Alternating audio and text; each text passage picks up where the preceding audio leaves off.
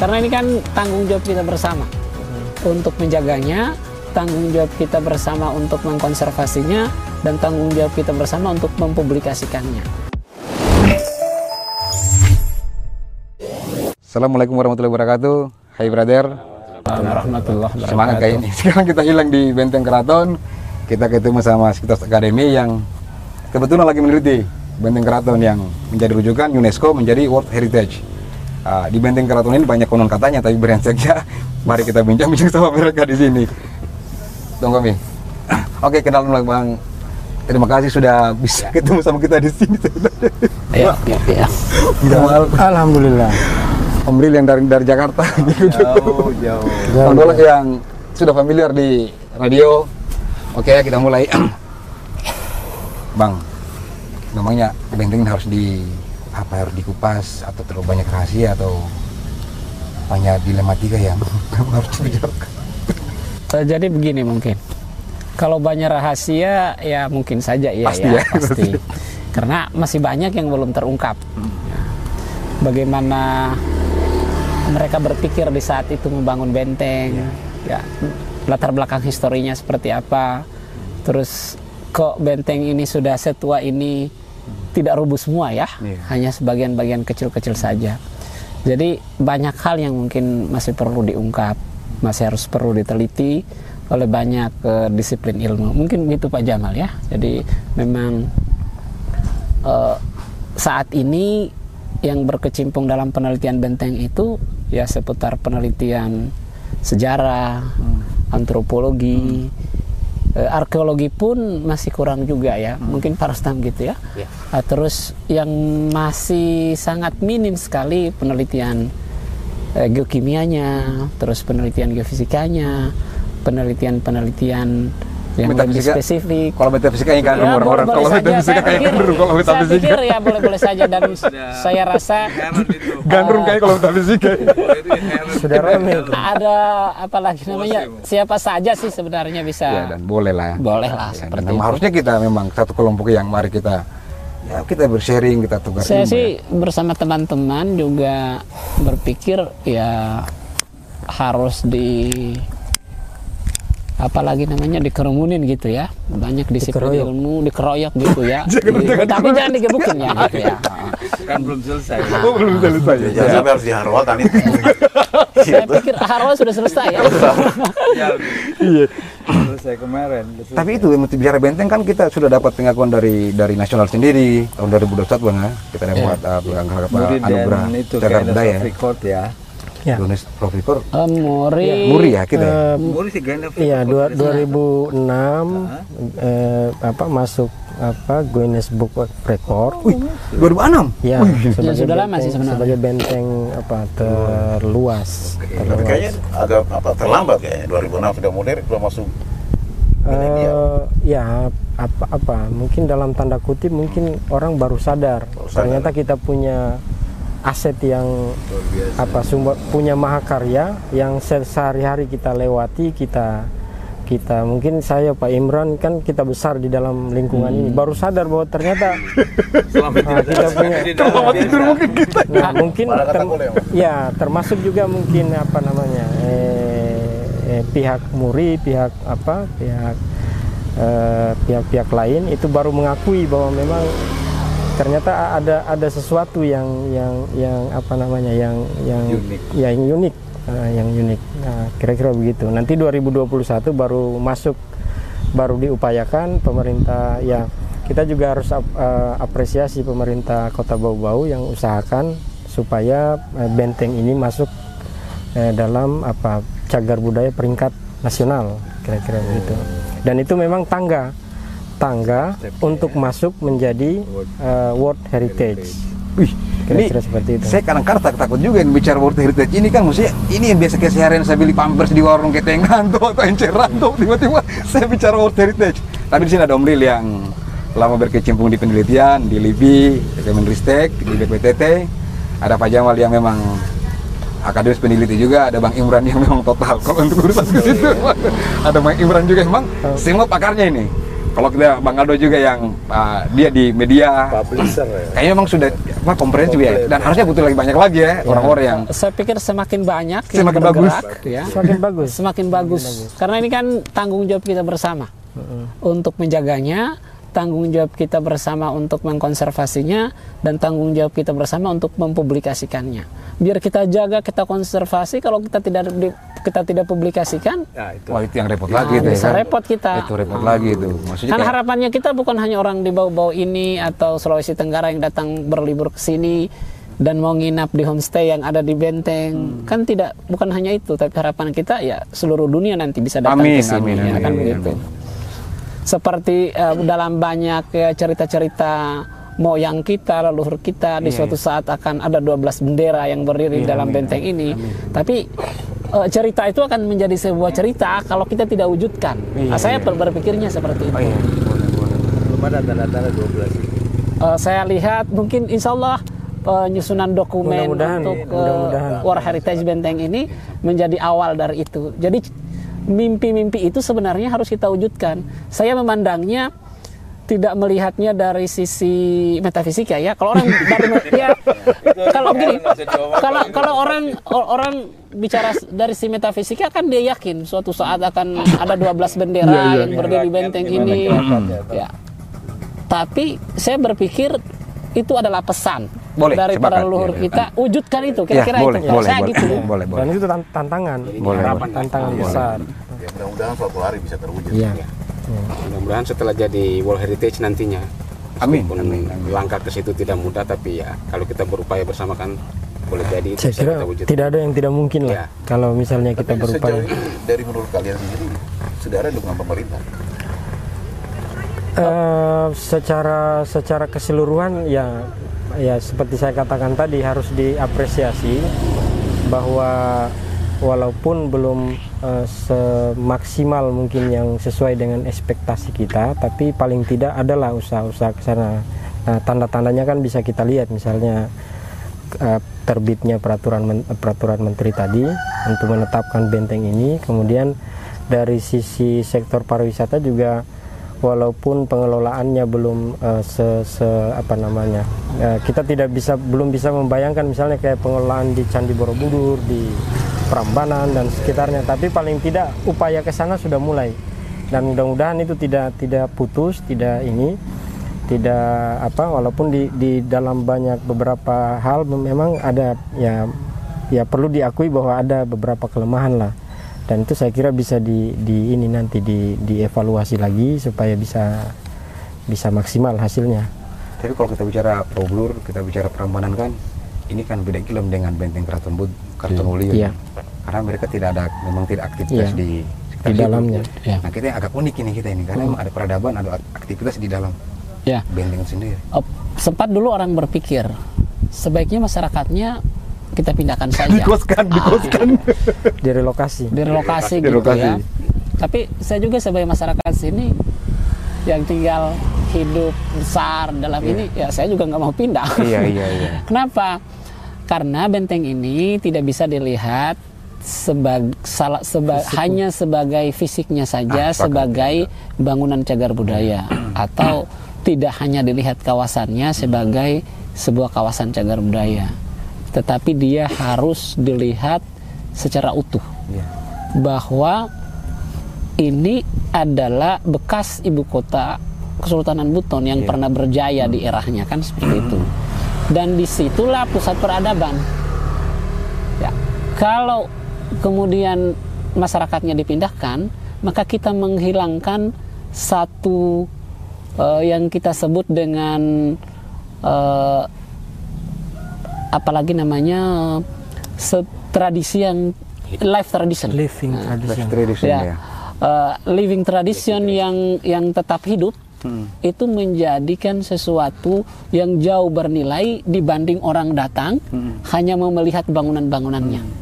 Tapi kan memang, memang, eh, pada akhirnya memang Kesultanan Buton itu sebenarnya belum berakhir, masih ada gitu. Tapi memang eh, dia tidak apa ya, dia tidak seperti aktivitas di zaman dulu karena sekarang sudah ada republik. Iya, iya, iya. secara iya. kelembagaan dia masih tetap di sini.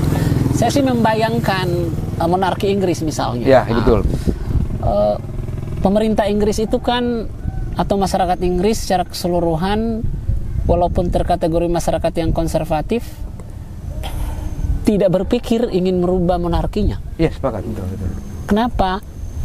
Ada living tradition yang ada di istana Buckingham yang bisa dilihat oleh orang walaupun ratu itu tidak punya kekuasaan seperti raja masa lalu.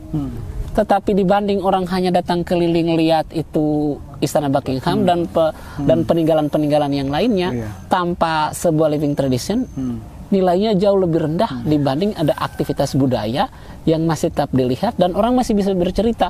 Inilah tradisi kerajaan Inggris dari ratusan tahun lalu. Sama juga dengan kita.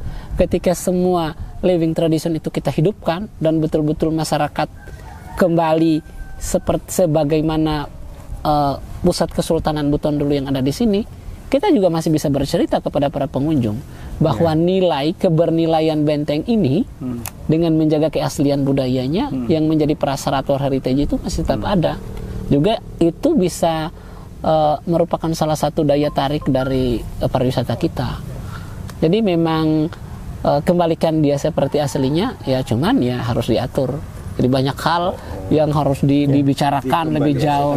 Ya diatur. Oh, oh, oh. Seba- sebagai perbandingan mungkin ya bayangkan di dunia yang sudah modern seperti ini itu misalnya peristiwa uh, Ratu Inggris saja misalnya masih diarak misalnya pakai kendaraan kuda misalnya. Dan itu kan menunjukkan bahwa bukan berarti mereka tidak tidak tidak bisa menyediakan kendaraan-kendaraan mewah tapi justru mereka ingin menunjukkan bahwa oh ini kita masih asli Siapa yang bilang bahwa Inggris itu bukan negara maju kan? Iya, Ah, betul. tapi dia tetap menghargai apa yang dia punya. Tapi memang kemarin waktu uh, Ratu Elizabeth meninggal, uh, meninggal kemarin itu, ketika pemakaman itu memang sebenarnya di Inggris sendiri itu memberi pesan bahwa Britania Raya itu harus seperti apa rasa Britania Raya itu di pemakaman Ratu Elizabeth terasa begitu. Jadi bukan bukan kita melihat Inggris sebagai negara, tapi Inggris sebagai satu kerajaan di Britania Raya itu kemarin Iya, itu. Ya, ya, ya. Dan Saya rasa pembelajaran dari kerajaan Inggris merupakan pembelajaran yang besar buat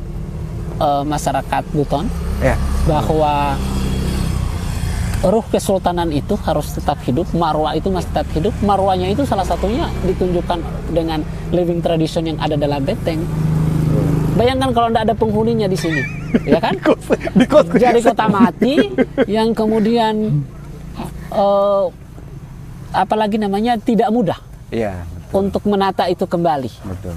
Dan dan ya memang akan Kita jadi tidak akan bisa melihat di mana pusat peradaban Kesultanan Iya, Buton kan? iya, betul. Itu hanya akan ada di buku, Betul, akan hanya ada di, di, di cerita, akan hanya ada di film, gambar tapi tidak tidak ada dalam kehidupan yang sebagaimana mestinya seperti dulu. Harapannya kan begini, ketika orang masuk dalam benteng Wolio, benteng Keraton Buton, orang akan menyaksikan bagaimana kehidupan ibu kota kesultanan masa Ya, lampau. amin, amin, amin. Nah, itu kan jauh lebih menarik, sangat menarik Iya. sekali. Oke, saya ada ini, saya apa coba lihat dari sisi arsitekturnya, ya toh. Artinya ini kan kita harus ini mahakarya. Dari segi bentuk, struktur, kan pasti kan banyak uh, pertanyaan diungkap dan tidak diungkap barangkali ya. Gimana bisa bangun seperti ini di zaman itu, loh? di mana semua tentang ilmu bangunan, ya bahan-bahan bangunan, ketersediaan, kecanggihan, cara masalah segalanya. Kalau kita lihat ini sebenarnya seperti jadi produk masa lalu, tapi sebenarnya dibangun dengan teknologi yang kekinian gitu, ya toh. Saya sudah coba-coba cari informasi, memang katanya ada penelitian dari masuk ITB, tapi dia masih masih saya belum dapatkan. Tapi sebentar lagi mungkin saya akan dapatkan. Kemudian saya tetap mencari. Cuma saya dapatkan katanya dia masih penekanan pada landscaping. Padahal yang saya mau coba dalami sebenarnya soal tadi bahan. Kenapa sampai begini bentuknya? Kan itu pasti ada filosofis yang sangat dalam yang barangkali kita nggak usah lagi cerita metafisis tadi ya kan? tapi pasti ada uh, filsafat apa uh, latar belakang yang sangat dalam sehingga bentuknya seperti ini. Bisa juga ikuti kondisi alam, toh. Sebab ah, ini kan namanya benteng pasti intinya benteng itu tidak boleh dimasuki orang dengan mudah. Nah, sehingga dia cari tempat-tempat yang dicapainya pun susah gitu ya. Hanya melihat tempat-tempat yang sudah dijaga oleh yang jaga gitu. Kemudian itu satu, saya kira sama-sama itu jadi saya juga janji diri saya sendiri saya akan coba cari. Tentunya akan nanya banyak nanya dengan bapak-bapak atau teman-teman yang sudah lama berkecimpung dengan apalagi memang kan sejak lahir pengamatan sudah lihat ini Iya. toh sudah Sudah lihat, kita lihat. jadi pasti sudah main hati bukan main ini lagi toh. yang kedua soal ini artinya tadi sudah lihat cerita soal Buckingham kita cerita lagi saya pernah juga di salah satu bangunan di Kyoto misalnya rumah Jepang tapi satu sisi kita pernah lihat juga di Bali di Tabanan ya Tabanan tadi itu ekspresi tentang bagaimana keaslian daerah itu mereka sengaja. Dia pakai tidak pakai baju. Dia sengaja, sengaja tumbuhkan dia punya jenggot yang putih suasana kayak orang dulu. Dia bawa-bawa golok di sininya pakai sarung. Badannya hitam karena serasa dijemur gitu nah sama di Kyoto tapi saya kita bisa bandingkan. Apa yang kita cari tadi secara visual yang kita lihat tapi kalau tidak ada kehidupan misalnya kayak di rumah rumah Jepang di Kyoto misal ya rumah itu karena tidak ada kehidupan di situ mati. Hanya kita lihat barang yang pasif mati hambar. Itu tidak ada interaksi. Ini kan satu yang sudah ada nih walaupun sebenarnya nah, saya juga ini kita punya keilmuan muncul loh. Ada satu unity artinya antara kehidupan dan kehidupan budaya antara kehidupan atau fisik bangunan dan kehidupan budaya ada interaksi yang unity ya toh? nah ini kita lihat saya sempat sempat sempat nanya harus warna biru kalau dia punya? cat Ya, ya, ya, Ya, ya, ya. ya, ya, ya. zaman dulu apa memang ada warna biru? Tuh kita Iya, tidak tahu oke. Tapi saya mungkin kemarin saya ya, itu uh, bertanya kemudian tapi saya lihat kalau kita lihat ke belakang saya coba bayangkan di zaman itu pakai alat potong apa ya bisa bisa dia rata batunya itu? Karena saya jago-jagonya orang bikin fondasi itu kadang-kadang ada batu yang menun- eh, yang yang muncul gitu. Ini dia Iya. rata. Ini kita bilang tadi bangunan tua tapi penanganan teknologi Iya. itu teknologi kekinian itu kan berapa abad ke belakang itu ini teknologi apa dia? Iya. potong rata begitu. Pakai laser mungkin. Ini pakai sebenarnya men- menyambung dari yang disampaikan Pak Imran tadi bahwa eh, satu sisi memang eh, kita harus akui bahwa publikasi kita tentang benteng ini masih cukup minim. Saya kasih tanda kutip di situ. Eh, maksud saya yang saya maksud itu eh, ada kesan selama ini eh, bahwa penelitian-penelitian tentang benteng ini hanya objek bagi orang-orang sejarah dan apa apa, disiplin-disiplin sekali ilmu ya, sosial. iya Nah, ketika bicara misalnya soal konstruksi, nah itu kan tidak bisa dimasuki pakai pakai keilmuan sejarah. Nah, teman-teman dari disiplin ilmu sipil misalnya harus masuk untuk arsitek ya mencoba melihat struktur yang ada sekarang. Nah, itu misalnya eh, ya artinya dari sisi struktur kok ada bangunan yang sampai ratusan tahun masih kokoh berdiri. Nah, itu kan pertanyaan besar itu. Kok bisa? Kemudian dengan benteng setinggi kan ini tingginya beda-beda. iya Yang di daerah apa daerah eh, bagian utara sana Hmm, yang curam itu pasti lebih tinggi iya Nah, dibandingkan dengan daerah yang sini. Hmm. Nah, itu itu perhitungan strukturnya seperti apa? Berapa dalam kedalaman fondasi ya Fondasi. Iya, fondasinya Nah, digali saya- pakai apa begitu Nah, lalu i- muncul pert- pertanyaan eh, tambahan seperti itu, galinya pakai apa? iya bekerjanya bekerjanya dari mana Ya, gitu batunya berapa banyak? Iya. toh? Nah, kemudian mana melengketkan dari batu-batu ya dari tapi mana? tapi sabar Ah, tuh nah, ini lagi nih ah, dapat cerita banyak beredar cerita bahwa ini batunya dilengketkan pakai pakai putih telur ini Ya. ini ini ini brengsek juga ini memang pakai putih telur ini nih. debatable sebenarnya. Cuma kan seandainya pun betul, Iya. misalnya ya, kalau dari literatur sejarah kan berkata seperti itu. Walaupun pada sisi lain ada juga yang meragukan itu, Hmm. menyangsikan itu.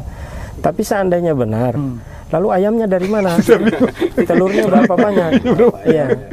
Nah itu itu yang itu kira-kira pertanyaan-pertanyaan yang kayaknya masih misteri sampai hari ini belum kita belum kita belum dapat jawabannya. Padahal kalau kita bisa eh, dapatkan jawaban-jawaban itu ya satu sisi dari sisi sejarah dan kebudayaan kita menjadi kaya nah di sisi lain kalau kita bicara soal pariwisata ini stok storytelling banyak sekali kalau misalnya semua di, di- diteliti Iya. Nah, belum kita bicara soal arsitekturnya Iya.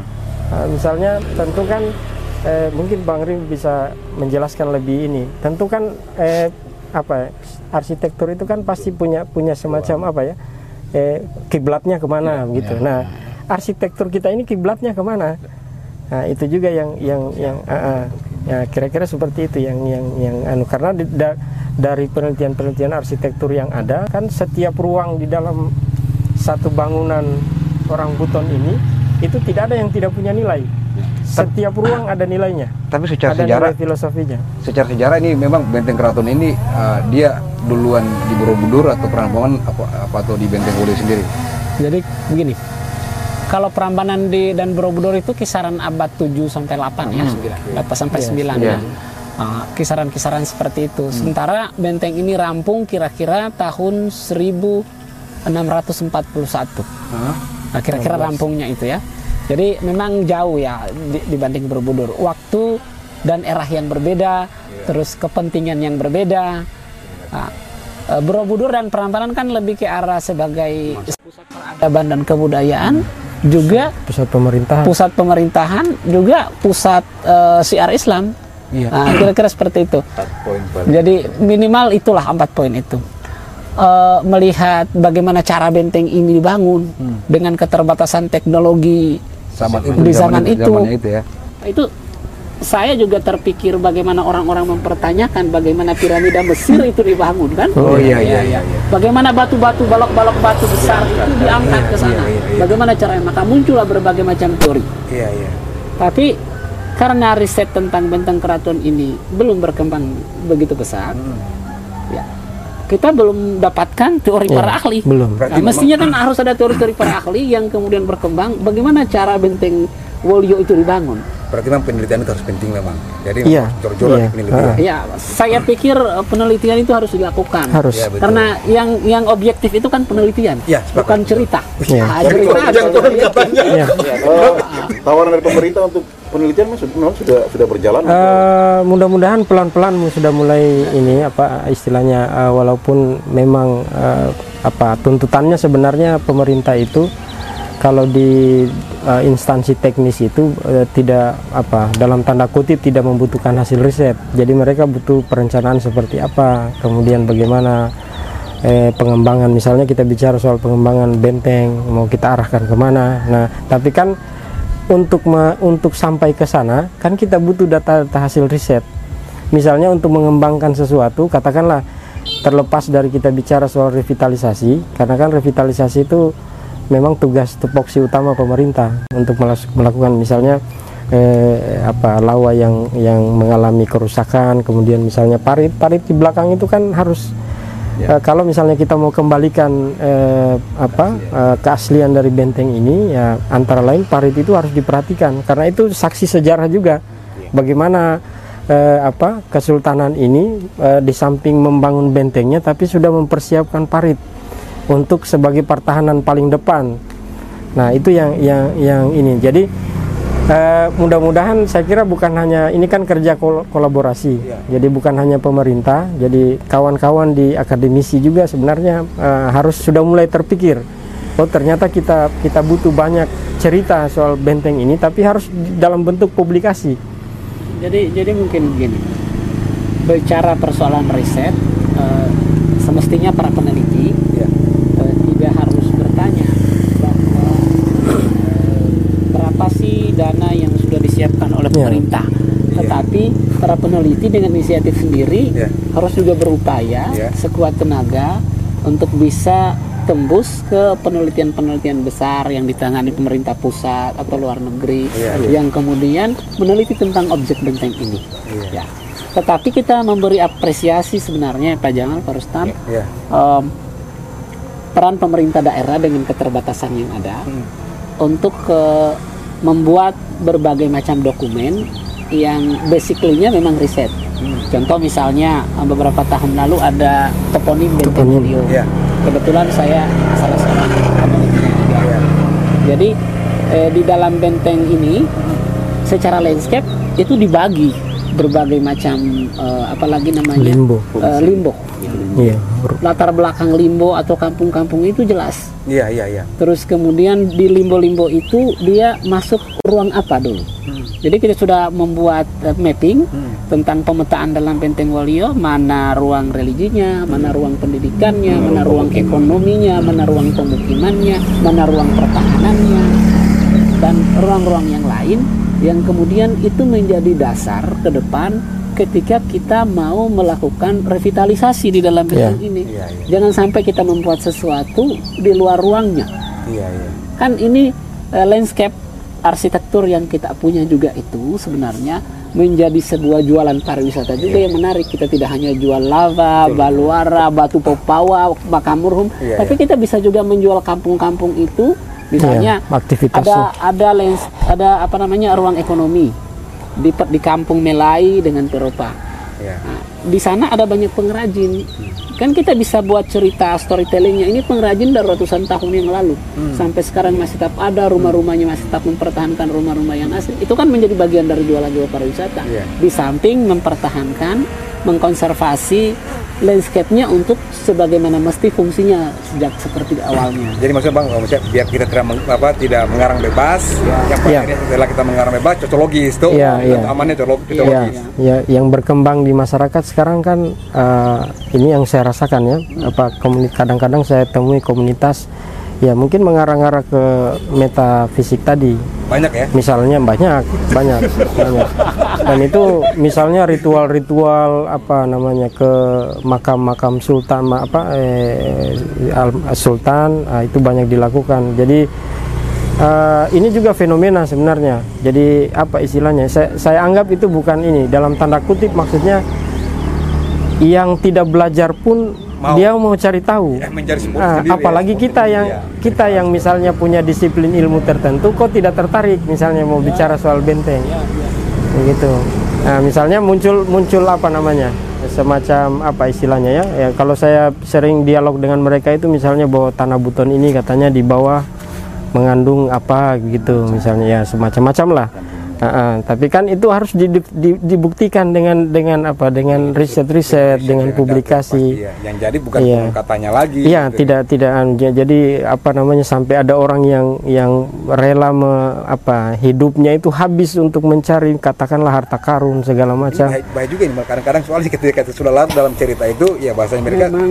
begini, kita sih sebenarnya tidak bisa menghindari mitos. iya, Mitos itu bagian dari kebudayaan kita. iya betul, Jadi mitos itu adalah sesuatu yang hidup di dalam setiap kognisinya kita. iya, Dia tidak nyata memang, tetapi hidup di dalam diri Dan ber- diri kita dan sendiri. berlaku setiap Dan hari. kita dan dan dan orang percaya dengan itu. Iya. Ya, itu tidak masalah sih silakan percaya. Tetapi eh, kalau terlalu mempercayai itu, Hmm. kan kita bisa jadi juga orang yang tidak tidak logis. Hmm. Nah, sehingga memang riset-riset itu dibutuhkan ke depan. Contoh misalnya di sini ada hartanya, wow, Ya. wow, disimpan di sini, maka Iya. Orang-orang yang mungkin kurang kerjaan ya, Iya. kurang kerjaan cari di sana. Sampai menghabiskan uangnya kok harta itu nggak Iya, didapat? tidak- tidak kan? ketemu-ketemu.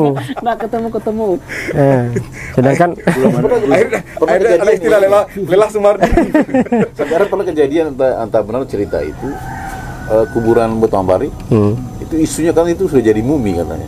ya Jadi pernah ada memang yang melakukan untuk menggali, tapi karena ekskavasi ya. ah, akhirnya tidak terjadi. memang Iya, pernah macam- tren macam-macam memang. Macam-macam. kira-kira Macam-macam. tahun-tahun 90-an itu tren Iya. mumi itu sampai banyak makam-makam yang coba digali. Coba Ya, digali. itu kan itu kan hal-hal seperti itu kan coba bayangkan kalau masyarakat kita kayak gitu bentuknya kan iya, iya, Ya, bagaimana kita Tidak. mau mau me- mem- mempublikasikan ke dunia yang lebih jauh kalau kerajaan kita kayak- hanya kayak gitu kan ya. Eh, Semen- sementara masyarakat lamanya kita sudah menciptakan benteng yang pakai teknologi tinggi. Ya, Dari ya. secara intelijensi kita punya ya. Ya, Kalau saya bilang ya. bahwa kita orang Buton ini emang mempunyai mempunyai Sumber daya manusianya spesial. Iya. saya rasa begini tidak mungkinlah Hmm. benteng sebesar ini dibuat kalau tidak ditopang oleh pengetahuan yang baik tidak mungkin Betul. tidak mungkin mungkin hanya bertahan 50 atau 100 tahun sudah rubuh dia ini. Coba bandingkan dengan rumah yang kita buat sekarang ya. Rumah-rumah yang menggunakan semen itu paling tahan itu 50 tahun. 50 tahun roboh. Kalau kalau tidak di- dibentuk dengan konstruksi yang memang dipesan khusus kayak gini bentuknya dan lain atau bahan yang kemudian kita kita kita pesan khusus. Tapi kalau pakai bahan-bahan yang biasa-biasa saja 50 tahun runtuh kok selesai dia. Intinya runtuh karena alam atau tidak runtuh karena sengketa. Biasanya kan ada juga Iya, runtuh karena betul, sengketa, ya betul. kan? Kalau runtuh karena sengketa ya memang banyak juga terjadi. Iya. Tapi kalau di Menteng soal tidak akan ada sengketa. Iya. Tapi saya menjadi Itu teknologi itu saya, saya teknologi. masih ini satu tadi soal apa eh, studi landscape arsitektur landscapingnya dari fungsi ruang. Eh, ini kan kita berharap semua terjadi jadi bagus ke depannya toh. Dengan pengawasan tumbuhnya Bangunan. karena kehidupan tetap berjalan toh Iya. artinya ruang-ruang tadi ini kan dari beberapa fungsi ruang tadi akhirnya berkembang Iya. masih mungkinkah ini pertanyaan sih dengan pengalaman teman-teman atau melihat dikembalikan pada fungsi ruang dulu itu masih besar peluangnya Nah, jadi tidak tidak sampai harus Total. total dihabis Ah, tidak masih jadi masih begini. kan fungsi ruang itu juga dari masa ke masa juga mengalami Berubah. Oh, kan? begitu, Zon. perges- tapi kan ada eh, ruang-ruang tertentu yang memang tidak Religi bergeser misalnya. Ya. religi Religi, misalnya ya. tidak bergeser dia ya yang misalnya bergeser itu ruang pemerintahan karena dipengaruhi faktor bahwa di mana sultan kemudian menjabat eh, di mana sultan kemudian Tinggal. tinggal maka di situ Di situ pusat pemerintahan. Oh. Nah, sehingga pusat pemerintahan itu selain ada di Baruga yang di depan masjid, Iya. juga ada di tempat tinggal mereka. Jadi Istana bergeser di dalam benteng dan sekitar benteng. Tapi ada ruang-ruang lain, misalnya ruang pertahanan sekitar benteng di, di pinggir benteng ini yang kemudian tidak berubah. Kemudian ruang ekonomi ada kecenderungan dari kurang lebih 400 tahun itu ruang ekonomi itu nggak bergeser. Karena tadi misalnya pengrajin, ada pengrajin emas, kuningan, perak, ukir di, dimelai dengan peropa. itu ketika kita lihat tetap dari dulu-dulu sampai di situ begitu. Tapi, tapi bang, saya saya juga mau melihat pernahkah kita terpikir bahwa biasanya kalau saya melihat uh, rumah atau bangunan itu kan ada setline, ada gambar. Ya. Pernahkah kita berpikir, berpikir bahwa di sini juga dibuat desain atau karena saya lihat secara desain ya memang desain yang unik saya. Saya melihat, saya tidak tahu kalau dia desain Ya, marketnya Gambar. begitu. ruang, ruang, ruang. Misalnya market, benteng market. keraton didesain memang ruang ini untuk ini, ruang ini untuk ini. Saya tidak tahu dengan persis itu. Mungkin harus butuh riset yang lebih mendalam. Tapi saya pernah mendengar cerita, ya beberapa narasumber memaparkan eh, saat Malige dibangun yang ada di bau-bau sana, itu sebelum dibuat Malige itu dibikin maket. Iya. Kira-kira maket itu tingginya satu setengah meter. Bis. Dibuat maket dan itu asli eh, orang Buton punya. Nah, dibuat maket terus ditunjukkan ke Sultan. Ini. Nah, Sultan memberi koreksi, saya mau kayak gini, saya mau kayak gini, dibuatkan ulang. Setelah setuju, sepakat, dibangunlah bangunan seperti yang dikehendaki. Pembangun.